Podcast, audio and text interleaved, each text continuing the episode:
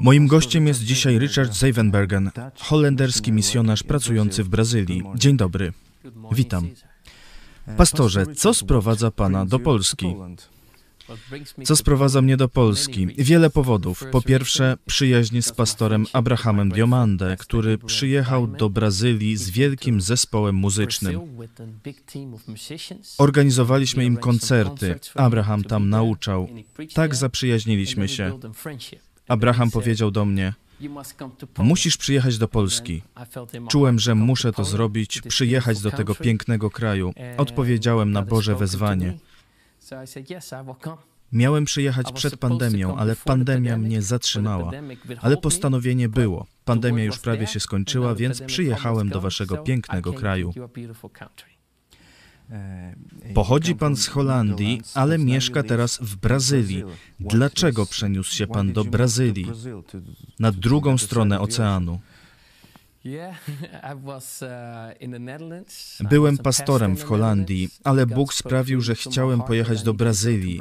Nie rozumiałem tego na początku, bo w Brazylii trwa wielkie chrześcijańskie odrodzenie. Kościoły rosną, a w Europie mamy przeciwną sytuację, szczególnie w Holandii. Jest tam coraz mniej kościołów. Więc pytałem Boga, po co mam jechać do Brazylii. I Bóg położył mi na sercu, bym jechał i kształcił Brazylijczyków na misjonarzy dla świata. Posłuchałem i pojechałem do Brazylii, a teraz szkolę tam misjonarzy. Kształci Pan misjonarzy w Brazylii. Skąd pomysł, by Pan sam został misjonarzem? Dlaczego wybrał Pan tę drogę życia?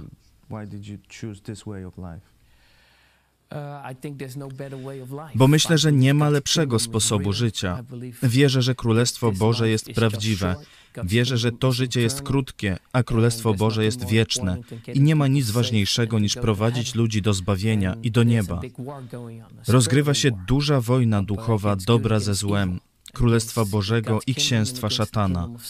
Bóg wezwał mnie do bycia żołnierzem w Jego armii. Dla mnie nie ma nic lepszego niż ratowanie ludzi. To życie jest krótkie, ale przyszłe życie jest wieczne. Nie ma więc większego powołania niż wykonywanie Bożej pracy. Jak Pan został zbawiony? Jak poznał Pan Jezusa? Wychowałem się w chrześcijańskiej rodzinie ewangelicznej. Uczyłem się Biblii, uczyłem się modlić do Jezusa, mieć z Nim osobistą relację. Mieszkaliśmy w małym holenderskim miasteczku. Chodziliśmy tam do małego kościoła i myślałem, że jestem jedynym chrześcijaninem. Popadłem w pychę jak faryzeusz. Myślałem, że Bóg potrzebuje mnie, ale ja Jego nie. Moja mama to widziała. Mój brat, starszy ode mnie o trzy lata, nieco odstawał. Chodził na imprezy, więc byłem przekonany, że jestem ostatnim chrześcijaninem. Moja mama patrzyła na nas i rozumiała, że nie jest dobrze. Jeden syn jest faryzeuszem, a drugi się sprzeniewierzył. Wzięła nas do innego miasta na spotkanie młodzieży. Gdy podszedłem do drzwi, Duch Święty uświadomił mi, gdyby dzisiaj był dzień porwania, ty i twój brat zostalibyście na ziemi, a ci wszyscy młodzi ludzie poszliby do nieba. Wtedy wiedziałem, że muszę się nawrócić. Pobiegłem naprzód i oddałem życie Jezusowi. Wspaniale. Jak wygląda Pana praca w Brazylii? Robię wiele rzeczy. Jedną z nich jest nauczanie w szkole biblijnej, szkole ludzi na tłumaczy Biblii dla ludów, do których Biblia jeszcze nie dotarła. Nazywamy to zielonym oknem. To obszar, gdzie znajduje się większość dżungli na świecie. To centrum świata. Obejmuje Amerykę Środkową, północną część Ameryki Południowej, środek Afryki, wyspy Indonezji, Malezji, Filipin, Papuę Nową Gwineę. Tam są dżungle, w których żyje ponad 40 tysięcy plemion, grup, które nigdy nie słyszały o Jezusie Chrystusie i nie mają Biblii w swoich językach. Przygotowujemy młodych Brazylijczyków do pracy tłumacza, życia z tymi ludźmi i tłumaczenia Biblii. To obecnie robię. Oprócz tego dużo pracuję ze studentami. Jestem wiceprzewodniczącym wspólnoty studenckiej Ki Alpha, wywodzącej się z USA i działającej na uczelniach w ramach ewangelizacji i organizowania spotkań. W całej Brazylii organizujemy wydarzenia, by szkolić studentów, żeby oni rozpoczynali na swoich uczelniach służbę studencką. Jestem także pastorem w brazylijskim kościele. Odpowiadam za służbę anglojęzyczną w Brazylii. Jesteśmy coraz bardziej międzynarodowi, więc mamy anglojęzyczne spotkania, za które odpowiadam w ramach zborów Bożych w Brazylii. Nauczam w różnych częściach świata i na południu Brazylii. Wiele podróżuję, biorąc udział w konferencjach i wydarzeniach, i teraz jestem w Polsce. Bardzo mi się podoba, że jak widziałem, działacie jako cała rodzina. Na spotkaniach niedzielnych Twoje dzieci obsługują dźwięk, tłumaczenia, jak czytałem w Waszym newsletterze. Tak, mam trzech synów i żonę. Moi synowie angażują się w życie Kościoła, robią wiele rzeczy. Pomagają w nagłośnieniu w kościele, pomagają też w nagrywaniu. Tak jak wy publikujemy na YouTube.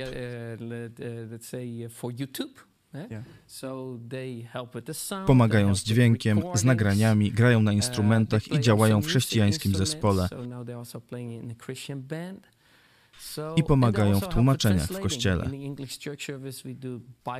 Używamy dwóch języków, angielskiego i portugalskiego. Moi synowie tłumaczą. Są bardzo zaangażowani. Jestem z nich dumny. Moja żona wykonała świetną robotę.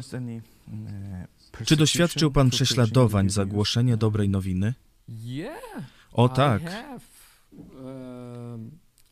Zawsze trzeba być posłusznym Bogu. Kiedy Bóg mówi, aby iść do jakiegoś miejsca, trzeba tam iść. Trzy razy w życiu, a nawet więcej razy. Mógłbym opowiedzieć wiele historii o prześladowaniach, ponieważ byłem w krajach, w których nie wolno głosić Ewangelii, a ja ją głosiłem. Pewnego razu zostałem wtrącony do więzienia, więc tak, prześladowania są prawdziwe. Wróg jest prawdziwy i wróg zwodzi ludzi, aby ci przeciwstawiali się dziełu Bożemu. Ale dzieło Boże jest większe. Nie możemy się bać. A jeśli pójdziemy i wykonamy dzieło Boże, zobaczymy zwycięstwo. Tak więc, gdybym chciał mówić o prześladowaniach, długo by to zajęło. Czy studenci w Brazylii są otwarci na Ewangelię, na sprawy duchowe? Tak, w Brazylii widzimy teraz wielkie przebudzenie. Kościół rozrasta się, ale widzimy też wiele konfliktów, tak jak to się dzieje na całym świecie. W Ameryce jest teraz ruch woke. Nie wiem, czy w Polsce też tak jest. Uh, Są bardzo progresywni. Widać to w telewizji, w muzyce. W Brazylii też widzimy ten problem. Widzimy młodzież chcącą iść za Jezusem, ale też młodzież podążającą za progresywną kulturą świata. Rozgrywa się ta wielka wojna kulturowa o to, czy Brazylia jest kulturą chrześcijańską, czy już progresywną. My walczymy o kulturę chrześcijańską. Wiemy, że wielu młodych ludzi chce ją przyjąć i nią żyć, oddać życie Chrystusowi i podążać za Jego królestwem.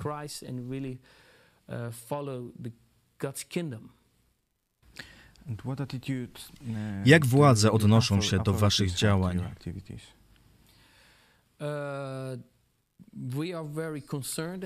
To jest nasze zmartwienie w Brazylii. Według konstytucji i prawa Kościół ma wiele przywilejów, ale wiele partii politycznych chce je nam odebrać.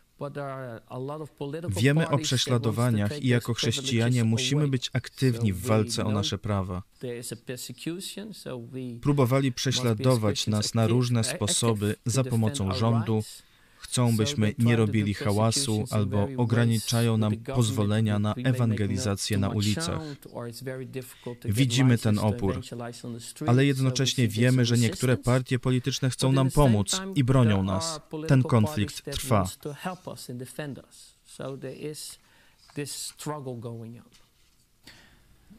Jaka jest sytuacja chrześcijaństwa biblijnego w Brazylii obecnie?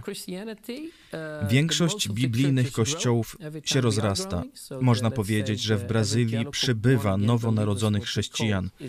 Bardzo nas to cieszy, ale wiemy też, że potrzebujemy naprawdę silnych chrześcijan.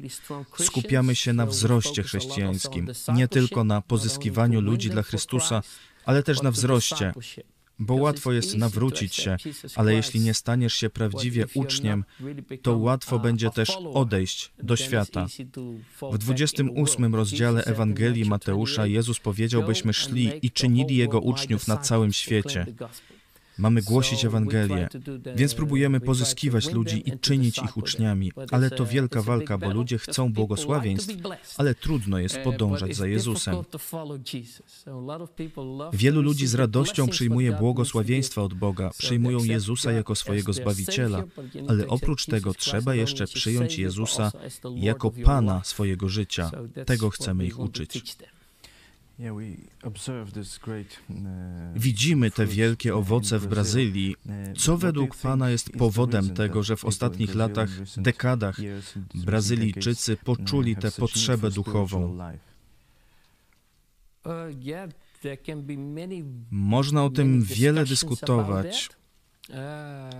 What I believe is that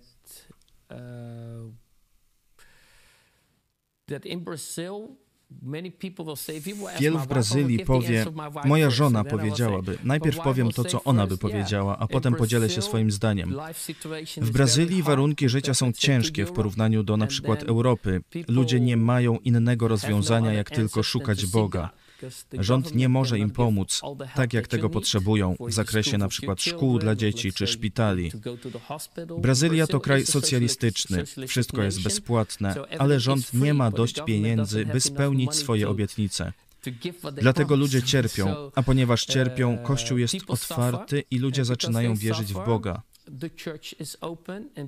Przychodzą do kościoła i proszą o modlitwę i pomoc, i Bóg odpowiada. Jest wiele znaków i cudów.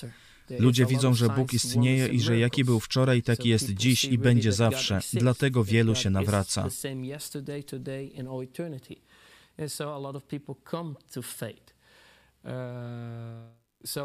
Myślę, że prawdą jest to, co mówi moja żona. Myślę też, że Brazylijczycy jako całość, również ci bogaci, którzy mogą posyłać dzieci do najlepszych szkół, mogą korzystać ze szpitali. Brazylijczycy to bardzo wierzący naród. Jest tu bardzo mało ateistów. Ludzie wierzą w sferę ponadnaturalną, wierzą w Boga, mają szacunek do Boga. Nie wiem, jak to wygląda w Polsce, ale w Holandii, w Europie Zachodniej zapomnieliśmy o Bogu. Staliśmy się ateistyczni i zamknęliśmy się na Boga. Trudno jest wykonywać Bożą pracę, bo ludzie odwrócili się od Boga. Trudno jest ewangelizować. And that's, uh, that's very difficult to evangelize. When in Brazil people don't have directly turned Tymczasem w Brazylii od Boga się nie odwrócili. Nawet jeśli nie są ewangelicznie wierzący, to wierzą w coś ponadnaturalnego. To także jeden z powodów, dla których według mnie mamy przebudzenie w Brazylii. Ludzie są bardzo otwarci. We saw also the great church growth in Ukraine. Widzimy też wielki wzrost kościołów w Ukrainie, ale nie widzimy tego w Polsce. Chcielibyśmy to widzieć. W Polsce najsilniejszy jest Kościół katolicki, który nie głosi prawdziwej Ewangelii, ale teraz on traci swoją pozycję, zwłaszcza u młodego pokolenia. Co chciałby Pan przekazać Polakom? Wierzę w to, że w Polsce nastąpi wielkie przebudzenie. Brazylia przez długi czas była podobna do Polski. Brazylia była największym katolickim krajem na świecie. Można narzekać na katolicyzm. Oni nawet prześladują chrześcijan, prześladują Kościół ewangeliczny także w Brazylii. Podejrzewam, że tu też cierpieliście prześladowania, ale Kościół katolicki wciąż ma szacunek do tego, co ponadnaturalne, do Boga, do Biblii. i szanuje wiele chrześcijańskich zasad życia rodzinnego. Mają jakieś podstawy. I tak samo było w Brazylii. Było wielkie prześladowanie. Kościół katolicki był wielki. Większość Brazylijczyków była katolikami ale nie mieli osobistej relacji z Jezusem, mieli tradycję. Dlatego nie czuli spełnienia, czuli pustkę. Wiara była fasadą. Ale potem ludzie zwrócili się do kościołów ewangelicznych, do kościołów głoszących pełną Ewangelię Jezusa Chrystusa. Opór był, ale gdy został przełamany, nastąpiło wielkie przebudzenie. I teraz, według niektórych, Kościół ewangeliczny może przerosnąć Kościół katolicki w Brazylii. Wierzę, że to samo może stać się tutaj. Wasz naród ma katolicką przeszłość ale ta katolickość może być żyzną ziemią na wielkie żniwo i wielkie przebudzenie. Wierzę, że Bóg wysłucha Waszych modlitw. Wierzę, że przebudzenie nadejdzie, zwłaszcza w Europie, bo Bóg nigdy nie opuszcza kontynentu. Wierzę, że Bóg ma wielkie plany dla Europy i dla Polski. Często widzimy, że to, co słabe, zamienia się w coś wielkiego. Zawsze patrzymy na silne państwa Europy. Był czas, kiedy Anglia była wielka, kiedy Francja była wielka. Wierzę, że Polska może być wielkim światłem dla całej Europy. Wielkie przebudzenie nadejdzie i to będzie błogosławieństwo dla całej Europy. O to też się modlimy i robimy, co w naszej mocy, by tak się stało. A jakie są Pana plany na najbliższą przyszłość? To mój pierwszy raz w Polsce. Jest imponująca. Jestem tu bardzo szczęśliwy. Będę dwa tygodnie. Chciałbym być błogosławieństwem dla Polski. A potem wrócę do Brazylii. Już teraz mam wiele planów działań w Brazylii, szczególnie w ramach służby studenckiej. Podczas pandemii uczelnie były zamknięte, wszystko odbywało się online i my także rozwinęliśmy działalność internetową. Zdziałaliśmy w internecie więcej niż kiedykolwiek wcześniej. To mocne narzędzie. Zachęcam Was wszystkich działających w internecie. Róbcie to dalej. Nie przestawajcie. W pandemii zostaliśmy pobudzeni do działalności internetowej. Musimy robić to dalej. Ale musimy też powrócić na uczelnię. Nasza służba studencka to studenci uczący kolejnych studentów, jak wykonywać służbę. Przez to, że wszystko było online, nie mogliśmy kształcić nowych liderów. To było bardzo trudne. Potrzebujemy nowych liderów, musimy ich wyszkolić i fizycznie powrócić na uczelnię. Dlatego pracujemy nad wielkimi wydarzeniami, które odbędą się w Brazylii. the big challenge to w naszej szkole misyjnej uczymy ludzi docierać do nowych grup ludzi. To uh, kurs pięcioletni, który właśnie ukończyła pierwsza grupa, którą chcemy wysłać w teren, do dżungli. To wielkie wyzwanie. Nad tym też będziemy pracować. W najbliższej przyszłości nad tym będę pracował. Dziękuję bardzo. Moim gościem był pastor Richard Zevenbergen holenderski misjonarz pracujący w Brazylii. Dziękuję i dziękuję Wam. Idź pod prąd to jest świetna nazwa. Idźmy pod prąd. Niech Bóg Was błogosławi, przyjaciele, wszystkich w całej Polsce. Kocham Was z Bogiem. Jeśli chcesz, by niezależne od dotacji rządu dziennikarstwo przetrwało i rozwijało się w Polsce, poświęć dosłownie kilka minut na wsparcie telewizji Idź Pod Prąd. Nasza telewizja utrzymuje się dzięki comiesięcznemu wsparciu widzów. Jeśli uważasz, że rzetelnie spełniamy swój dziennikarski obowiązek, codziennie zapewniając Ci informacje, komentarze, analizy, a także sporą dawkę humoru, zachęcamy Cię do wsparcia naszej telewizji. Jak to zrobić? Wejdź na stronę idźpodprąd.pl wsparcie. Wybierz cel wpłaty. Możesz jej dokonać przez DotPay, PayPal, Blik lub tradycyjnym przelewem z tytułem darowizna. Gramy i gnamy dalej.